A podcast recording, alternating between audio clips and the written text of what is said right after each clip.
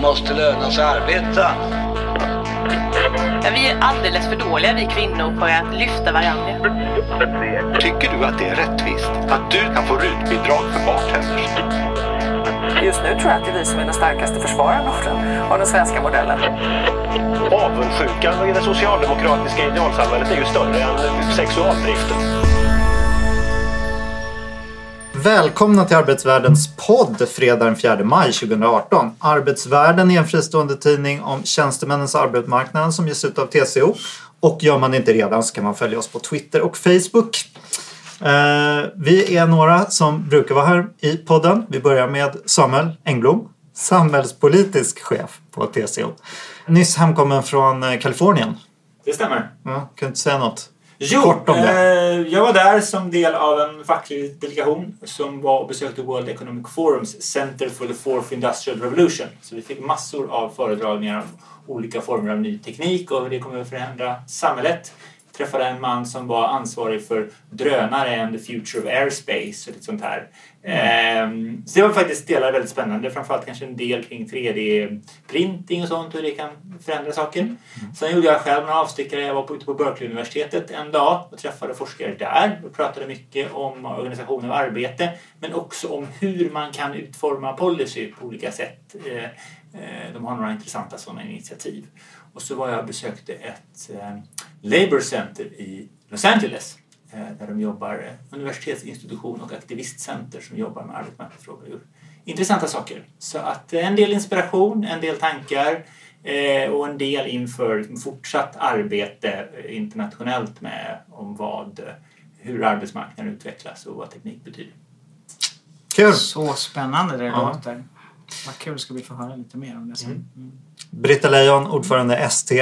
Har Eh, inte varit i Kalifornien. Aldrig någonsin faktiskt inser jag plötsligt. Du, Det var första gången jag var där också. du har däremot varit i ett kökaos på Ja, från, ja, från, eh, från. Akademikerförbundet SSRs kongress, eller ja, hur? precis. Har, har, vill du säga något Ja, det? fantastiskt imponerande kongressöppning.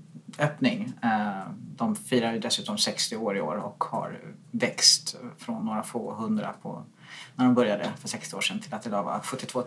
Och ja, det är superspännande. Det är ju så att det är roligt när man kan bli inspirerad av sina konkurrerande systerförbund för att de gör ett bra jobb. Det tvingar en själv att vässa sig ytterligare. Så det är bra. Bra! Sist men inte minst vår gäst Karin Svanborg Sjövall, VD på Timbro Stämmer som är Svenskt Näringslivs tankesmedja.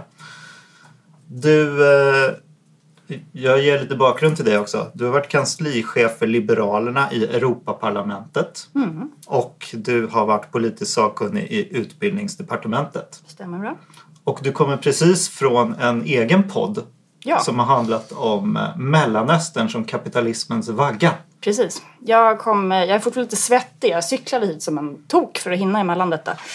Eh, men det är en lansering som vi har gjort precis idag faktiskt med en helt ny bok av eh, Nima Samandaji som har tittat lite grann på ja, vart de första kapitalistiska institutionerna faktiskt byggdes. Eh, vi har ju en uppfattning om att egentligen allting som har hänt som har varit marknadsliberalt och bra liksom kommer från Europa på ett eller annat sätt. Och då har han grävt lite grann och tittat på de här egentligen förkapitalistiska institutionerna som vi sedan lånade av och vidareutvecklade och tittat på den saken och retat upp delar av en bitvis ganska tråkig publik och entusiasmerat å andra sidan den delen av publiken som vi gärna vill ha där. Mm, härligt. Ja, men du kanske får säga något mer om det där sen Ja. innan vi slutar. Gärna det. Eh, ja, jag själv då är ju Mikael Fältman, chefredaktör för Arbetsvärlden. Hörni, eh, det har ju kommit vår budgetproposition, det har kommit svar från oppositionen, det har varit utspel om integration och arbetskraftsinvandring. Men vi tänkte i det här avsnittet lyfta blicken lite, prata om EU, de stora visionerna, om stad och land, regionalpolitik, kommunala utjämningssystem. Eh, både för att det ju kom en, eh, ett förslag till långtidsbudget för EU från kommissionen i veckan och för att eh, bland annat ni på Timbro har eh, varit ute och pratat en del om eh, regionalpolitik och eh, stad, land och kommunala självstyret. Så det blir våra ämnen, förutom satir som vi alltid har och våra spaningar på slutet. Hör ni eh, kommissionens förslag till långtidsbudget, vi börjar där, den kom ju i onsdags. Eh, om man sammanfattar väldigt kort så var det väl mer pengar till forskning, gränskontroller, försvar och ungdomsutbyten och mindre till regionala satsningar och bönder. Och eh, den totala långtidsbudgeten för EU blir större i och med att eh, i och med Brexit så kompenserar man för det då.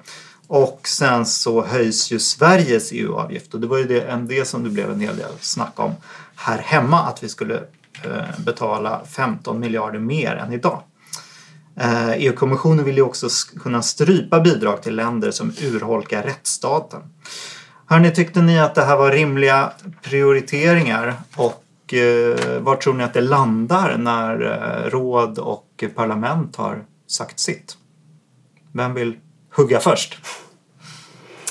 Eh, jag har väldigt svårt att tro att den här budgeten kommer gå igenom faktiskt. Eh, dels så, så måste ju alla vara med på tåget och det finns ju fyra länder som har protesterat högljutt. Sverige är ett av dem och det kan man ju förstå för det är ju verkligen en dubbelsmäll. Det är ju både den svenska rabatten och en allmän ökning.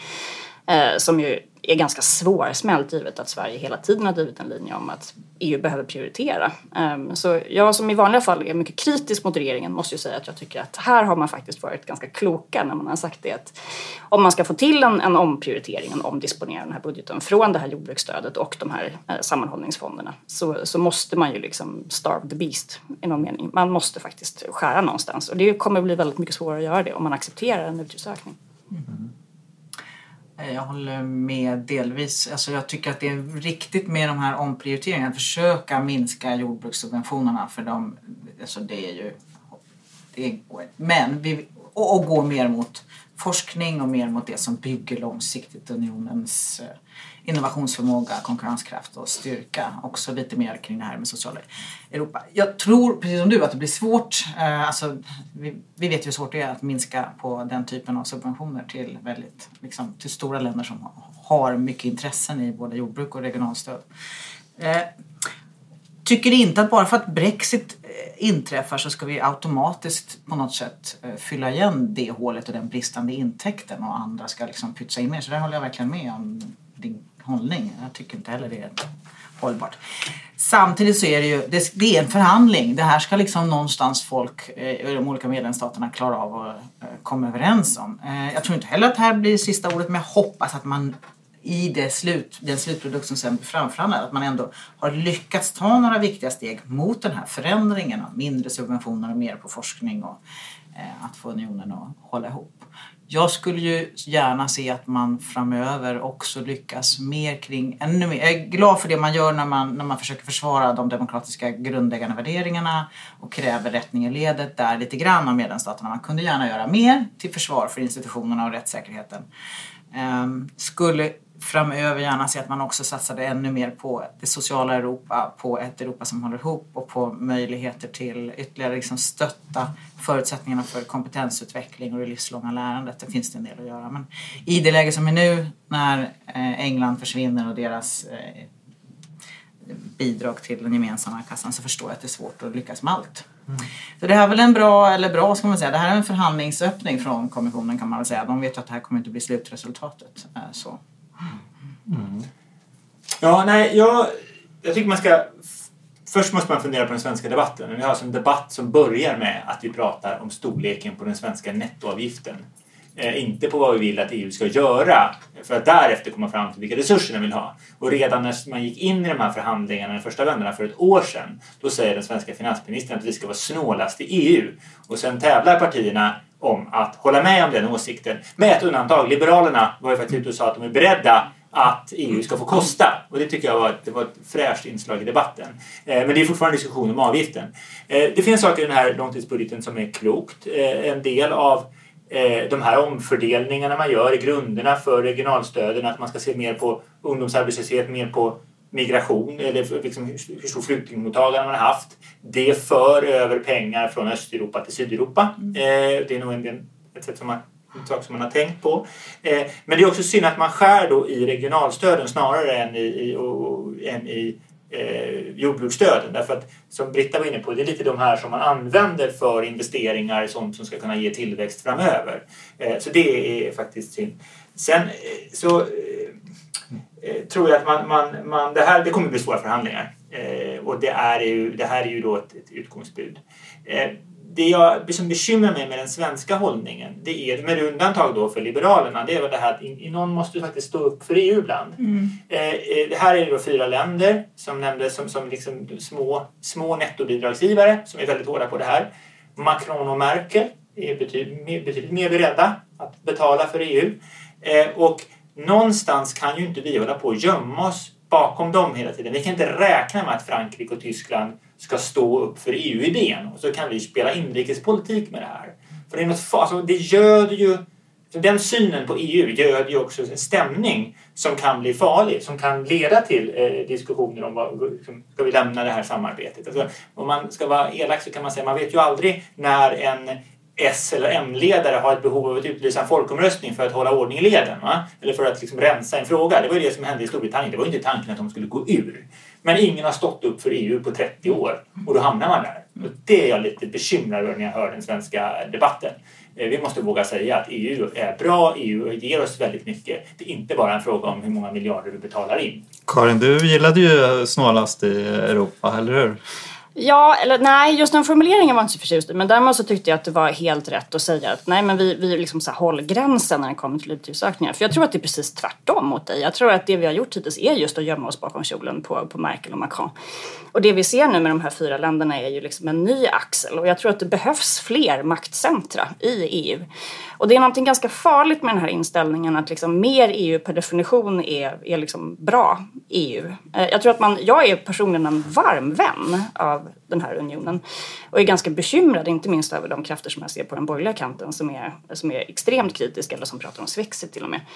Men om man ska kunna hålla dem stången så tror jag att det A är väldigt viktigt att vi inte hamnar i ett läge där en utgiftsökning av vår medlemsavgift leder till att man i princip inte kommer att ha något reformutrymme.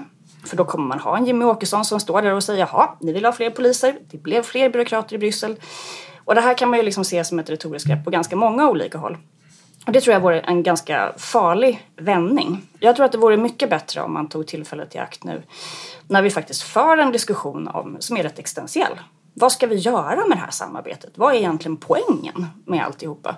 Inte bara så här, mer av allting utan att faktiskt fokusera. Eh, och då tror jag som sagt var att, att det här med att vara ganska restriktiv med, med budgetökningar är en förutsättning.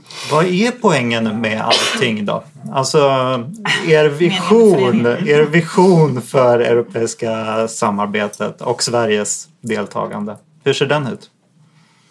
Ja, men alltså, nog sjuttsingen tycker jag att den grundläggande utgångspunkten för hela EU-samarbetet är giltigt fortfarande. Även om det var länge sedan vi var involverade i något krig så är det ju, jag menar, det är ju inte länge sedan det var krig på den europeiska kontinenten. Nu har inte EU alla gånger lyckats förhindra allt ens i modern tid. Men, men ändå, nog är det viktigt att vi försöker eh, se till att vår trista europeiska historia av att vi har bekrigat varandra eh, så många gånger, att vi försöker hitta vägar att samverka, samarbeta och verkligen på djupet hitta gemensamma lösningar. Det tycker jag fortfarande är giltigt. Och jag är glad att Sverige är en del av det samarbetet. Precis som du så gillar jag den här unionen, jag gillar det här samarbetet. Även, även om när vi hade folkomröstningen om medlemskapet så var jag väldigt länge tveksam. Men till slut så, så bestämde jag för att nej, nu, nu må, vi måste liksom vara en del av den här gemensamma framtidsvisionen. Och det är bättre att vara med än att inte vara det. Sen gillar jag naturligtvis inte, precis som alla andra, inte allt. Naturligtvis är det så. Men jag tror att det är samarbete och gemensamma eh, lösningar på sånt som faktiskt i grunden, mycket av det som vi ser idag i i vår del av världen och hela världen är ju saker som inte går att lösa inom nationsgränserna. Klimatfrågan är det alldeles tydligaste exemplet på det. Vi måste ha lösningar över nationsgränserna. Du nämnde ju sociala Europa också Ja. i din förra sväng. Det känns ju som att man har svängt lite där från inre marknad till någon sorts, åtminstone i retoriken, till Tänkte det sociala säga, åtminstone Europa. retoriken. Jag, s- mina medlemmar, vi har ju två ärenden just nu där vi upplever att kommissionen, där, vi, där strejkrätten är hotad fast de inte ska lägga sig i det och där också eh, inflytandet för statstjänstemännen i Europa är eh, under hård attack. Eh, så att vi, inte, vi tycker mest att hittills är det mest retoriskt från Juncker och company. Även om de har gjort några grejer. Men det behövs betydligt mer av socialt Europa om EU ska Om, människor, om vi inte ska landa i det där läget som du är inne på, eh, hotet, eh, att man beskriver det som byråkraternas liksom, koloss, utan att, det faktiskt lev, att samarbetet levererar nytta för eh, unionens medborgare. Hörni, ni måste också alla säga någonting om euron. Ska vi gå med i euron? Jag röstade nej i omröstningen. Eh, tyckte det var rätt då, har tyckt att det varit rätt länge, tycker fortfarande det. Det var alldeles för storskaligt eh, experiment eh, när vi har så väldigt olika grundläggande förutsättningar ekonomiskt. På lång sikt däremot kanske det är så att vi så småningom kommer att behöva gå med. Men vi är inte där än. Säga, Vision och euro. Ja, nej, jag... Lite, det är inte så att jag tycker att mer EU är bättre EU. Det kan vara så att, vi, att det ska vara mindre EU. Men debatten ska handla om vad EU gör och vad EU ska göra. Och det tycker jag inte att den här debatten om budgeten har gjort i Sverige. Utan det har varit hur mycket ska vi betala? Och då blir det bara det fokuset. Jag tror att kärnan i EU-samarbetet är den inre marknaden. Eh, eh, jag är säkert präglad där av min bakgrund som jurist med, med rätt tydlig EU-profil. Men kärnan är den inre marknaden. Då ska det vara en... Och då är det viktigt, vad är det vi då ska konkurrera med? Kunna konkurrera med på den inre marknaden. Den här sociala marknadsekonomin med ett miljöinslag. Det ska, och sen är det sånt som, som just det här, det som ger gemensamt mervärde. Det finns vissa typer av infrastruktursatsningar som det är vettigt att göra på EU-nivå. Eh, det är vissa, på miljöområdet finns ju sådana gränsöverskridande saker som behöver, det finns en del kring brottsbekämpning och sånt också som EU ska göra. Eh, helt klart. Men, men det är, allt som EU gör idag behöver inte EU göra. Och det finns ett problem att samarbetet ibland utvecklas på områden där det går att komma fram. Alltså det, går inte, det är väldigt svårt att förklara logiken i vad EU har reglerat och inte reglerat. Därför att ofta är ju eh, både liksom totalt sett och på olika områden. Euron eh, så är det ju så att det har väl inte... Eh, jag tillhör de som röstade ja eh, en gång i tiden. Eh, jag var ju EU-doktorand då, 2003. Eller jag var jag, hade inte, jag disputerade precis i den vändan på en EU-institution. Eh, så det var ganska, men det var nog mer, handlade mer om att, det här, att jag tyckte det var bra om Sverige varit med in i kärnan av samarbetet för jag hade mycket att bidra med. Sen får man väl säga att det har väl säkerligen inte varit dåligt för Sverige att stå utanför hittills. Men sen hur det utvecklar sig på sikt, det är jättesvårt att säga. Jag tror inte att vi är i ett läge där vi bör gå med på år. Men det är klart, det är en sån här fråga. Det är en ganska pragmatisk fråga som man får ompröva eh, eh, var tionde, femtonde år för att se vad som, vad som är bra och inte. Du, känner du dig som federalist eller som, eh, som svensk? Nej, men jag är nog mer så att jag tror att jag, jag vill ju att Sveriges... Eh, eh, jag tror ju på EU-samarbetet eh, som någonting väldigt bra för Europa och någonting i grunden bra för Sverige. Sen kan ju det samarbetet givetvis utformas på massa olika sätt. Och eh, ibland känner man när man åker till Bryssel, då blir man, om man åkte dit i sin ungdom, då kanske man var uppfylld av Europatanken. Nu när man åker dit så är det snarare så att man börjar slå ifrån sig. Men det kanske är åldern som gör det. Och så kommer man hem. Vad slår du ifrån Nej men då känner man såhär, nej nej det här är, eh, det är för stora byggnader och för mycket folk. Alltså, sådär, va? Man blir lite, eh, eh, det här är inte... Och sen kan jag väl se också som har hållit på mycket, jag har ju hållit på en del med regelförenkling och sånt här när jag satt i, i regelrådet i många år. Eh, och se att man, de krånglar till det ibland. Ja. Eh, man det- skulle kunna vilja hitta nya sätt att reglera på. Som lämnar mer utrymme för medlemsstaterna. Mer, lite mer målstyrning från EUs sida. Men det är ju en fransk förvaltningstradition Ja, liksom, i grund och botten. Jurist, Eh. Samuel. Ja, men, så frankofil jag är så, så vill jag inte ha ett franskt förvaltningssystem. Eh, så att jag, eh, jag skulle vilja prata mer om hur man kan göra EU-samarbetet liksom smartare. Jag är jättenyfiken på att höra dig. Du, Och du har för visioner om EU? Nej, men jag, med jag, jag delar i grund och botten synen på att liksom, kärnan är fortfarande den inre marknaden. Och och det är också där jag tror att det är enklast att förklara för Europas medborgare vad mervärdet faktiskt ligger i. Att det är ganska liksom, påtagliga, handfasta saker som man kan se att, att samarbetet har erbjudit folk. Eh, Och just därför är jag, har jag varit väldigt kritisk mot till exempel den sociala pelaren därför att jag menar att det här är ytterligare ett exempel på en institutionell struktur som inte är federalistisk i en god mening. Alltså det finns inte några riktigt fungerande checks and balances som, som, som liksom håller tillbaka kompetensförskjutningar på olika sätt. Och jag, när jag jobbade i Europaparlamentet så blev det ganska tydligt. Det var ju ofta såna här stora diskussioner om varför borgerligheten röstade nej till resolutioner som var icke-bindande men som kunde handla om abort eller jämställdhet och saker som liksom alla i grund och botten tyckte var bra saker. Och då sa de så här, ja men usch, ni är, liksom, vad ni är förskräckliga som tycker att det är dåligt med det här. Och då var så, nej men ur ett subsidiaritetsperspektiv så är det liksom inte rimligt att vi pratar om det på den här nivån. Um, och sen så kan man ju se hur många av de här icke-bindande resolutionerna sen ändå tas som intäkt av kommissionen för att föreslå faktisk lagstiftning för att liksom fortsätta och skjuta ut sina kompetenser på områden som jag tror är bättre lämpade att besluta om på, Eh, på medlemsstatsnivå. Men om, man, om, man, om, du menar allvar med det här med att, att leverera nytta och inte bara liksom fler byråkrater, är det inte då viktigt att, att EU också visar inte bara inom inre marknadsområdet utan också på andra håll att, att unionen är till för, för dess medborgare? Nej, jag tycker inte det. Alltså, om man ska titta på erfarenheterna från brexitdebatten och vad den handlade om så var det ju delvis en del gammal hederlig främlingsfientlighet och man, man har sunk. Mm. Ehm, um, men det fanns ju också en stor diskussion om det här med social turism som faktiskt inte bara handlade om främlingsfientlighet utan som just handlade om men, men hur, nu har vi valt en viss välfärdsmodell och vi kan ju utifrån ett svenskt perspektiv tycka att den är dum, att deras socialförsäkringssystem är ju liksom helt vidöppna. Man behöver inte kvalificera sig, vilket också fick budgetkonsekvenser med den inre rörligheten. Och då kan man säga så här, ja det vore väl bra om de ändrade i det systemet. Ja men vem, varför ska man ändra på någonting? Eller vem är det som ska ändra på någonting så grundläggande? Är det, liksom, är det EU som ska göra det eller är det någonting som behöver beslutas om på, på medlemsstatsnivå? Och då tror jag att, att det är farligt om man ger sig in på de här områdena som är väldigt nationellt, kulturellt präglade. Så, Sen vill jag säga en sak till som jag tycker är viktigt att ta upp just kring, eh, kring budgeten som ingen har pratat om nästan vad jag kan se i Sverige alls. Delvis som du säger därför att vi är så upptagna med, med vad det kostar. Eh, och det är ju att man faktiskt vill ha beskattningsrätt.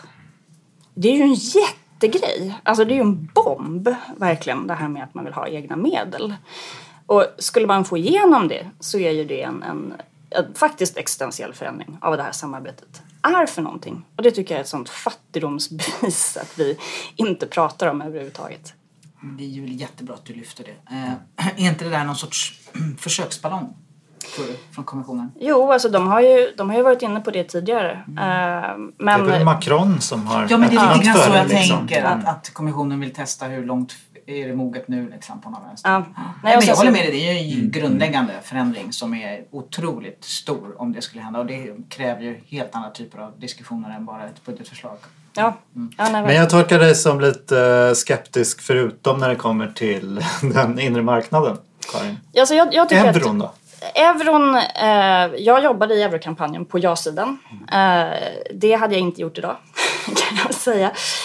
Eh, jag ska i och för sig verkligen inte utesluta att det skulle kunna bli aktuellt och att det skulle kunna vara positivt i Sverige. Men innan man har ett system Nej, på plats där det faktiskt också finns fungerande sanktioner mm. eh, som efterlevs, att det finns muskler nog att faktiskt också se till att människor håller det de har lovat från början, eh, så tror jag inte att det är en bra idé. Mm.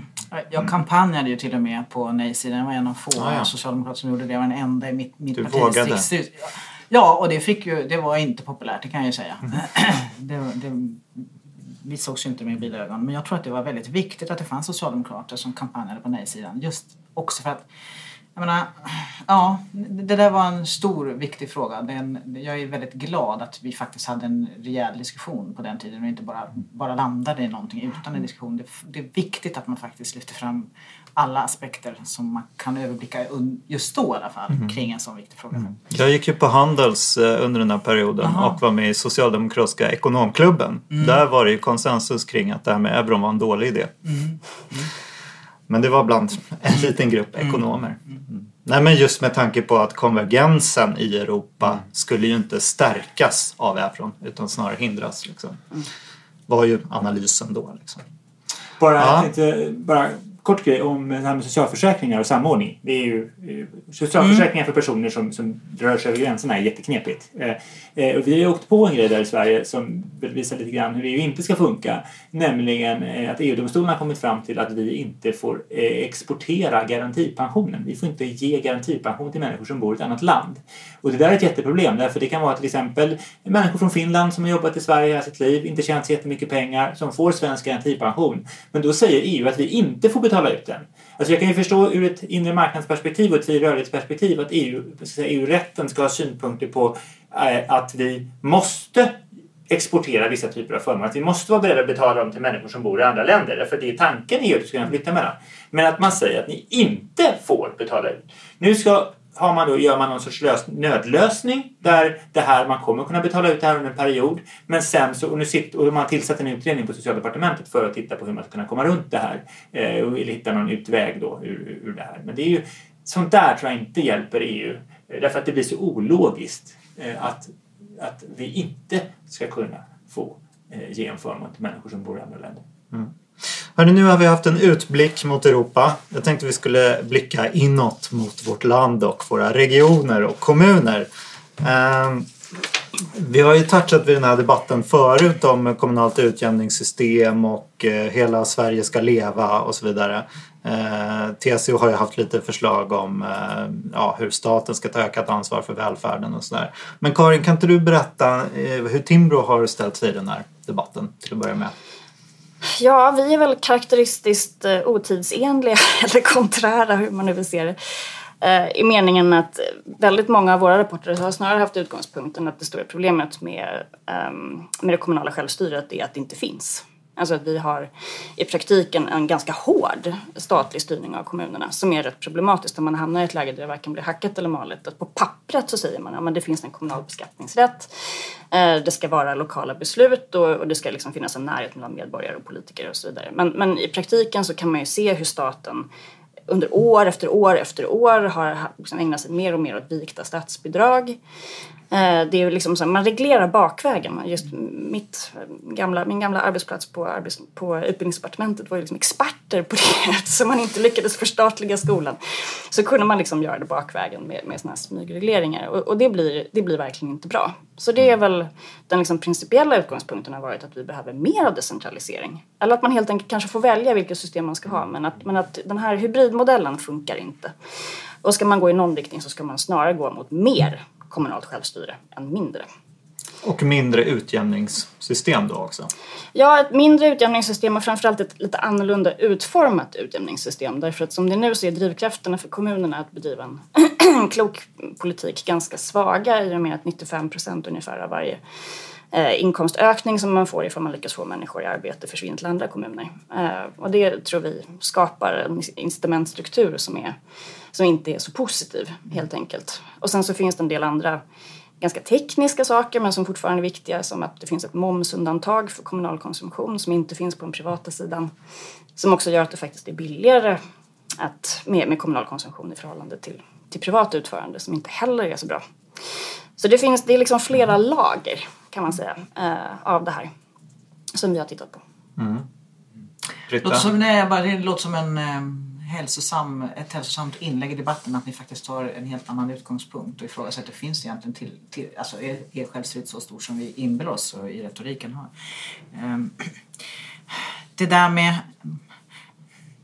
på något sätt känns det som att det, det, vi längtar alltid som människor efter det som är enkelt och tydligt. Antingen självstyre som verkligen är på riktigt eller en centralisering. I verkligheten är det ju sällan så himla enkelt och det blir ju också, jag menar, jag har stor sympati för, för, för liksom det du uttrycker. Samtidigt så, och jag håller med dig om kritiken ni framför om att det faktiskt inte är så pass stort som man kan inbilla sig självstyret. Just på grund av den här eh, bakvägesregleringen eller öronmärkta bidrag och det ena med det andra.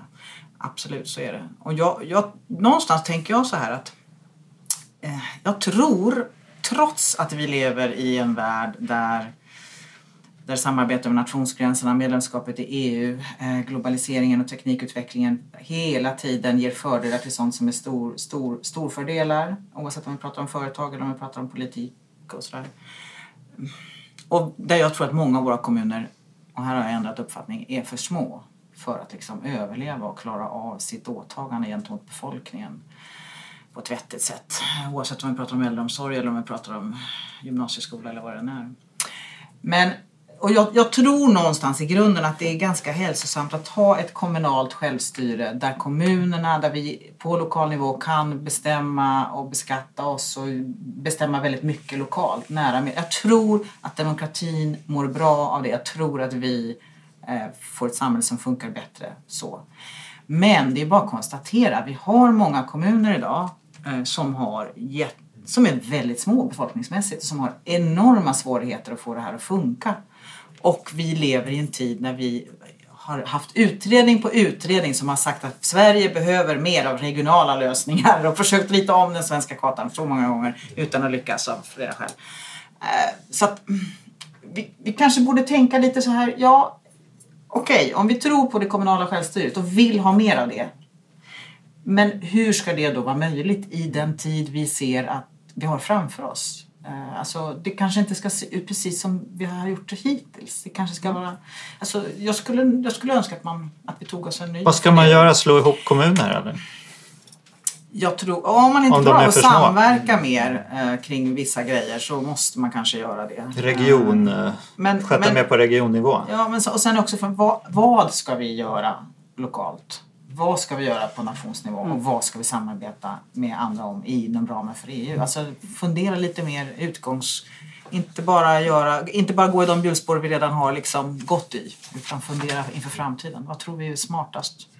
Om vi vill ha en välfärd som hå- håller ihop, om vi vill ha ett, liksom, goda förutsättningar för vårt näringsliv och om vi vill som nation ha goda förutsättningar att bekämpa både klimatproblem och skaffa oss eh, ja, ett samhälle som på alla sätt funkar bra framöver. Ja, jag, jag har inga bra svar. Jag känner bara att jag tror att vi behöver ta oss en funderare på hur, hur, hur våra... För jag har sån respekt och sån... Eh, alltså jag tycker det är så ett gigantiskt svårt jobb att vara, att vara eh, ansvarig för den kommunala ekonomin oavsett om vi pratar om den landstingskommunala eller den kommunala, primärkommunala. Så jag tror, eh, precis som Karin och Britta har beskrivit, så är det så att kommunerna har ju, jag skulle vilja säga, år, alla kommuner har vissa ålägganden. För åtaganden, det är kanske någonting man har tagit på sig frivilligt, men man har ålägganden som antingen kommer från staten eller från det faktum att ja, men vi, vi, var, vi är en kommun och det bor människor här. Eh, Och, vi måste, och det måste finnas vägar och det måste finnas eh, eh, skolor och det måste finnas eh, eh, äldrevård. Alltså den, det här. Men man har, man har ålägganden men sen har man väldigt olika förutsättningar för att uppfylla dem. Och då måste det ske en omfördelning. För det kan inte vara så att vissa kommuner går barnen till sko i skolan i sju år och vissa går i skolan i tolv år.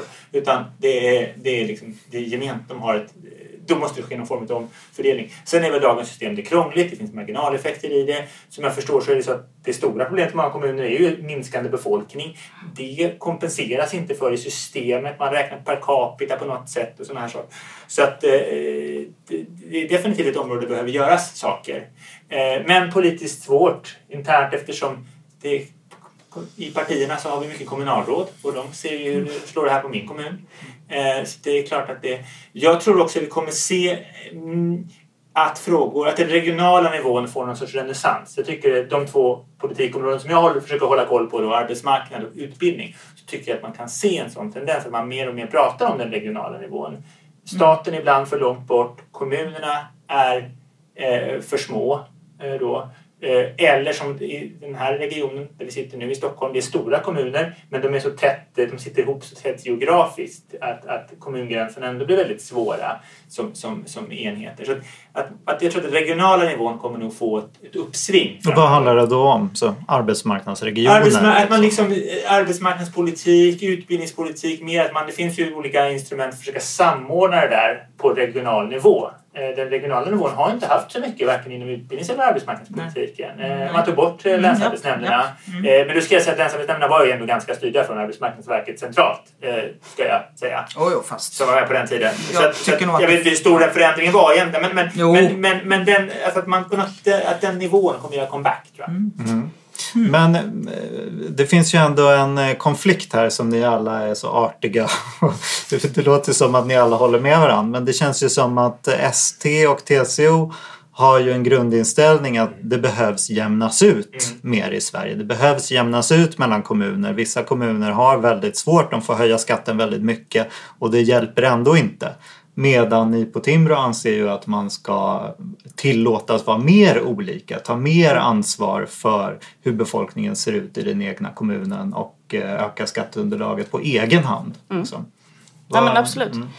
Nej, jag tror att dels den, principiella skillnaden är ju, är, ju, är ju ganska stor. Men alltihopa bottnar ju i frågan att det finns liksom två övergripande uppdrag som går helt i konflikt med varandra. Där man å ena sidan säger att det ska vara jämlikt, framförallt välfärdsutbudet ska vara jämlikt för alla medborgare.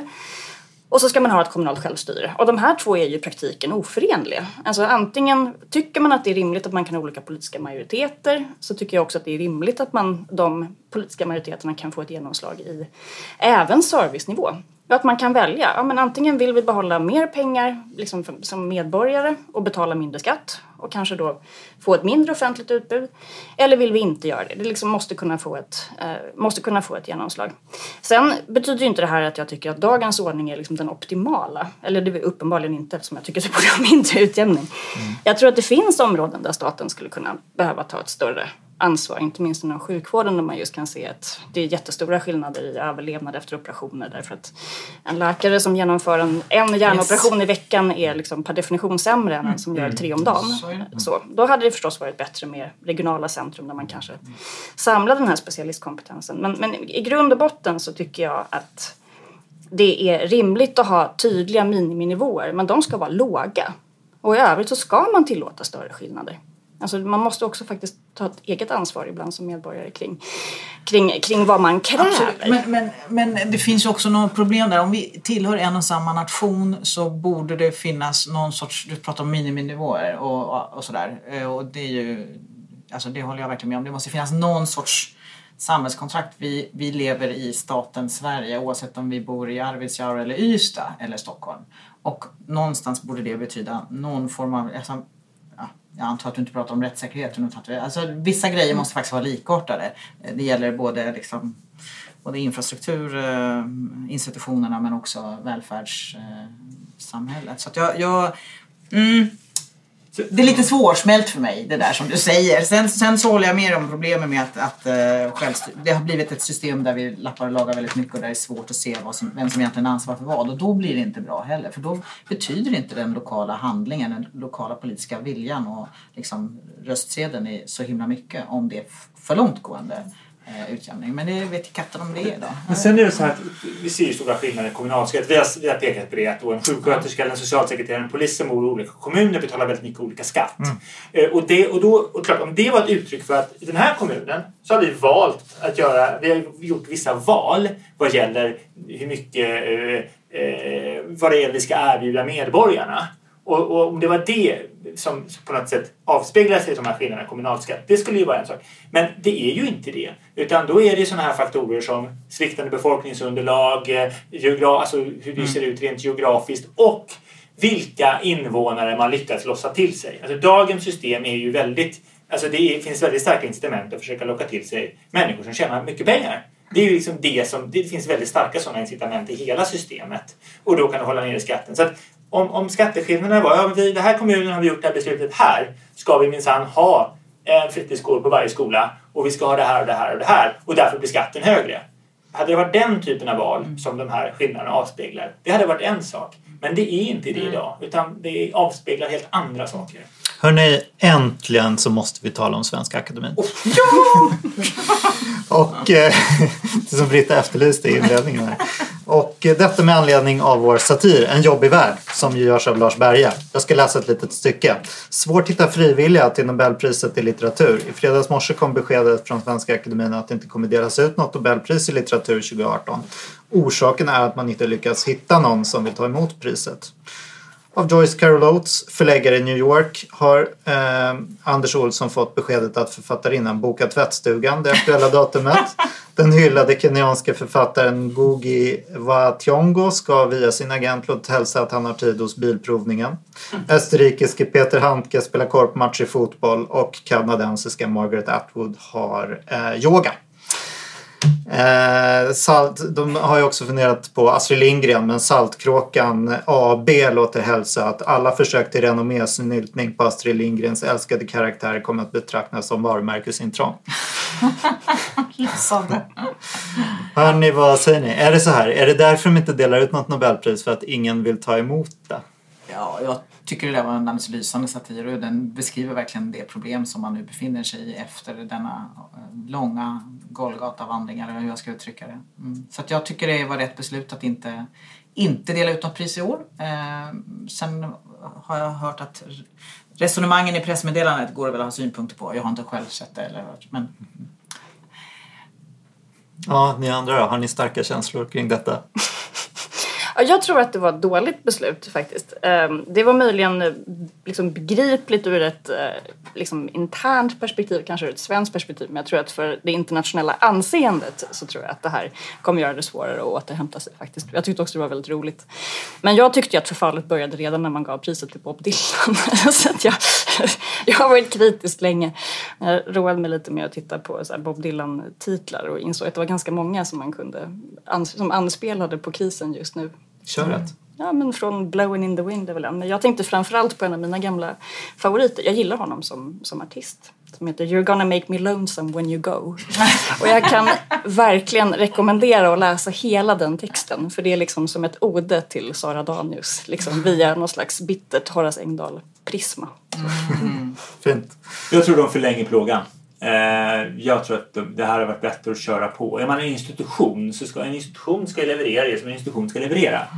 Eh, och då kan det vara farligt att, att, att göra så här. Vad är nästa gång? Vad har man då satt ribban för att inte, man inte kan dela ut ett pris? Men nästa gång, det ska väl inte bli någon till sån här gång? Nej, men då har man löst en institution. Det är väl så här, vad ska krishantering handla om? Några sköter krisen och de andra ser till att vi sköter verksamheten. Och här har de allihopa gått in i krishanteringsmode. Så bara, Oj, vi kan inte dela ut något pris. Vi kan inte... Nej, och då kommer det komma upp igen. Det är bättre.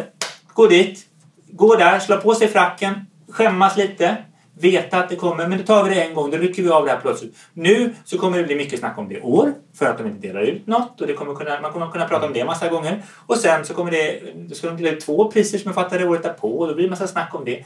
Ja, det är, det är riktigt dålig Ja, krishantering. jag tycker jag det är tror- jag- oförståeligt men jag tror det kommer väva in i någon sorts metoo. eh, Det kommer ju bli en förlängning av någon sorts metoo-debatt. Jag menar rubrikerna i Financial Times och Guardian i morse är ju så här. De delar inte ut priset på grund av sexual harassment eh, Ja, historier liksom. Jag tycker inte de är inte värdiga att dela ut. Jag vill inte, jag, vill inte att, jag vill inte att de som är kvar ska dela ut ett pris. Jag tycker inte de är värdiga det.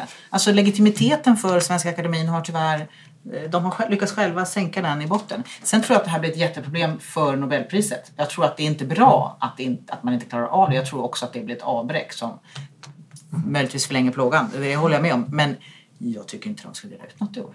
De som sitter där. Jag skulle vilja att man börjar om från början. Jag skulle vilja att, om det nu är kungen eller vem det är som ska göra det, men att man hade en prisjury som faktiskt bestod av folk också utanför Sveriges gränser. Det kunde också innebära att vi kanske såg lite fler litteraturlandskap än de som akademin hittills har sett. Bra.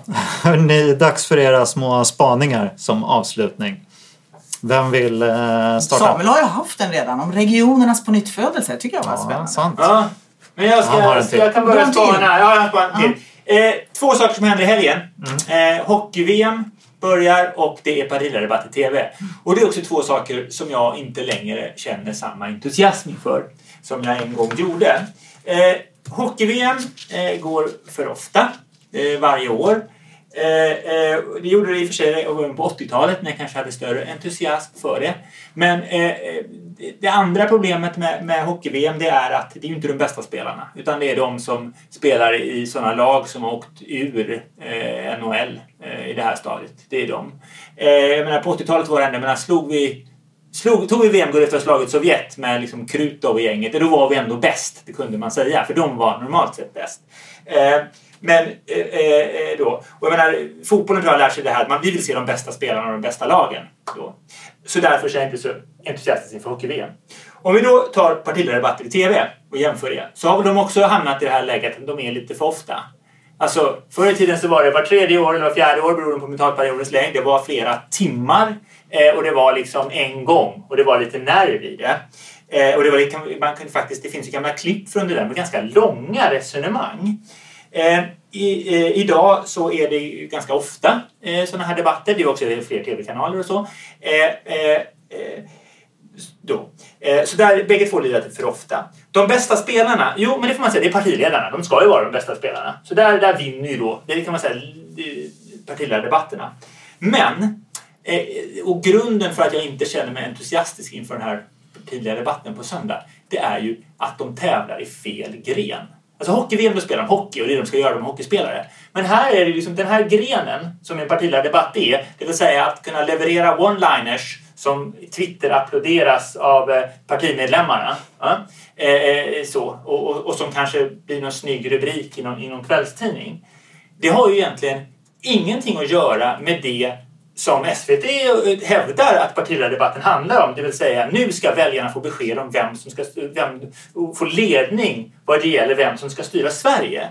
Därför att det, det är ju som att vi skulle ta ut liksom, landslaget i fotboll på vem som kan jong, liksom jonglerar flest gånger. Ja, men det är en uppvisningsgren. Men det säger ingenting om hur, hur, hur verkligen spelarna är i match. Va?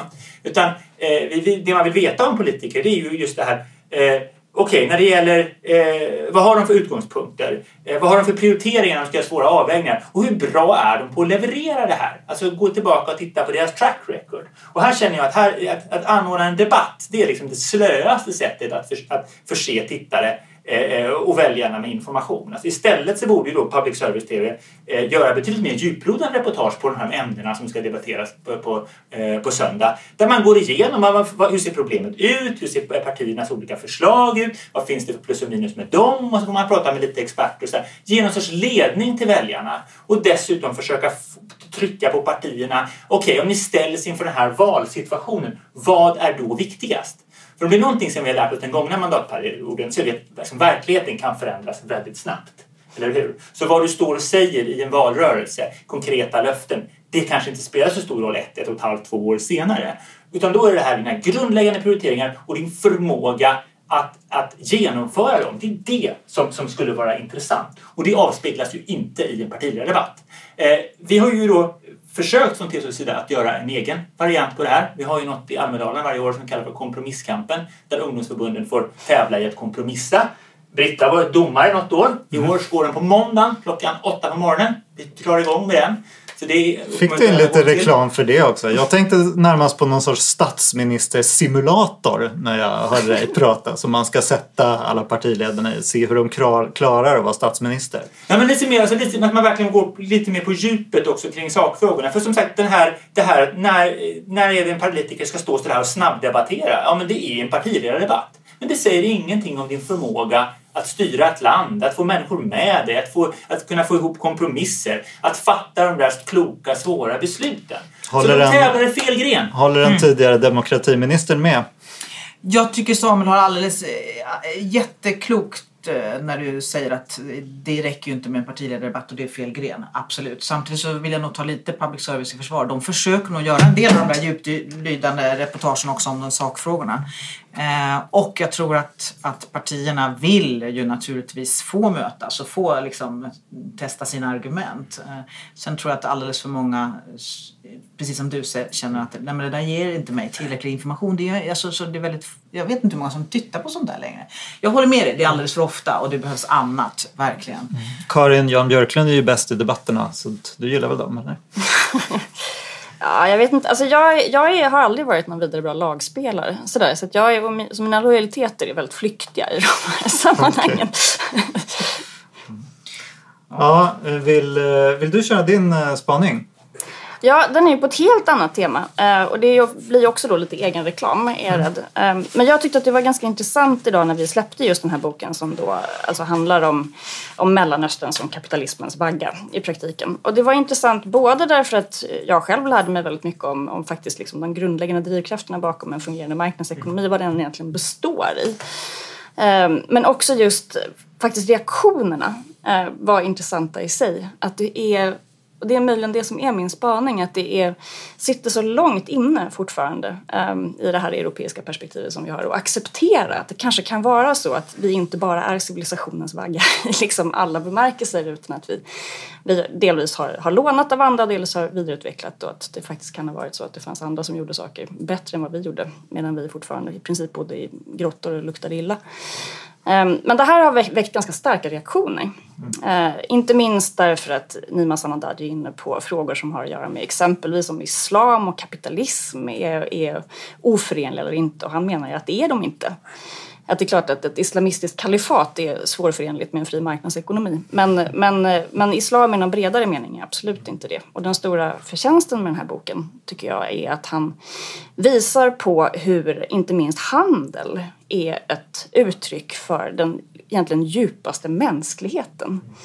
Att han säger det, att det man ser när Mosul har blivit bombat, när Aleppo nästan har blivit reducerat till en grushög. Det första som händer så fort våldet upphör är att basarer mm. springer till liv. Eh, och det är också en nyttig påminnelse tycker jag idag när vi pratar om kapitalism och marknader på ett ganska teoretiskt plan. Att det här är i grund och botten så att, att det är som sagt var en mänsklig aktivitet. Ett företag har inga känslor. Men någon måste ju starta de här företagen.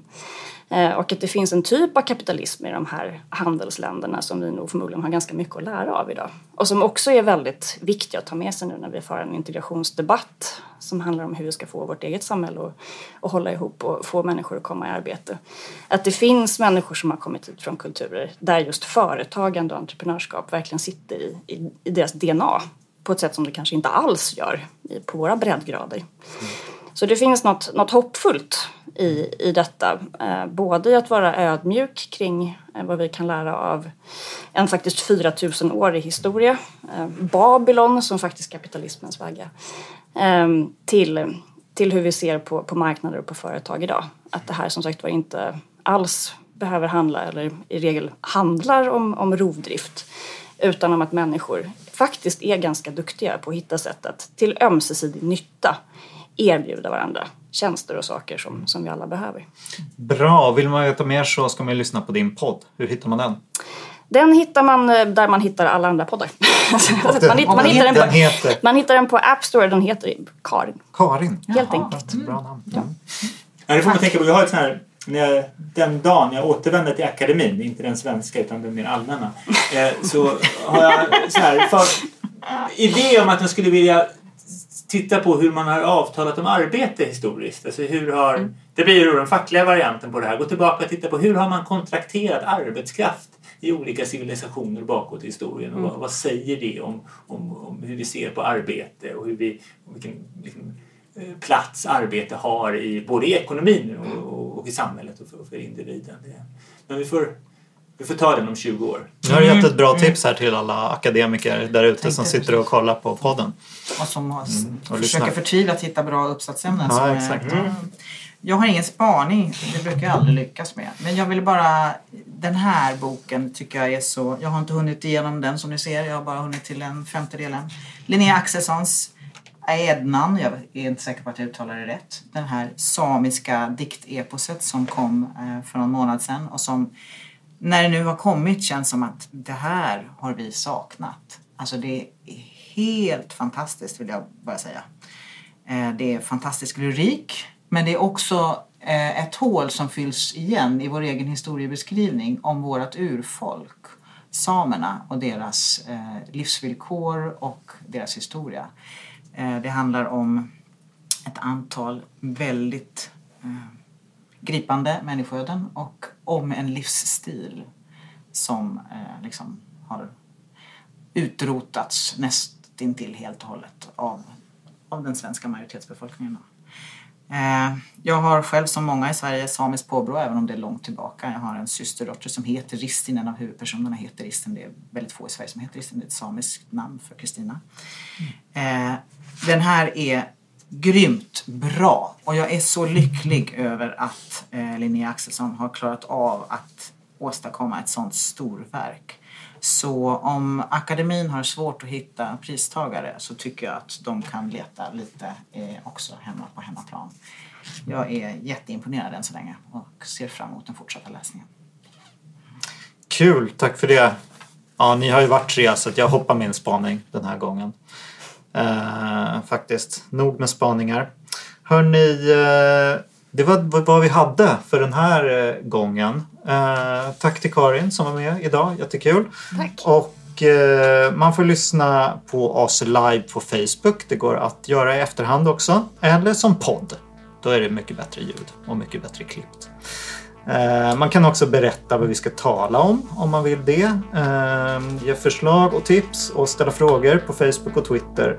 Och så ska man prenumerera i sin poddapp och ge oss betyg på iTunes. Hörni, tack för idag. Tack.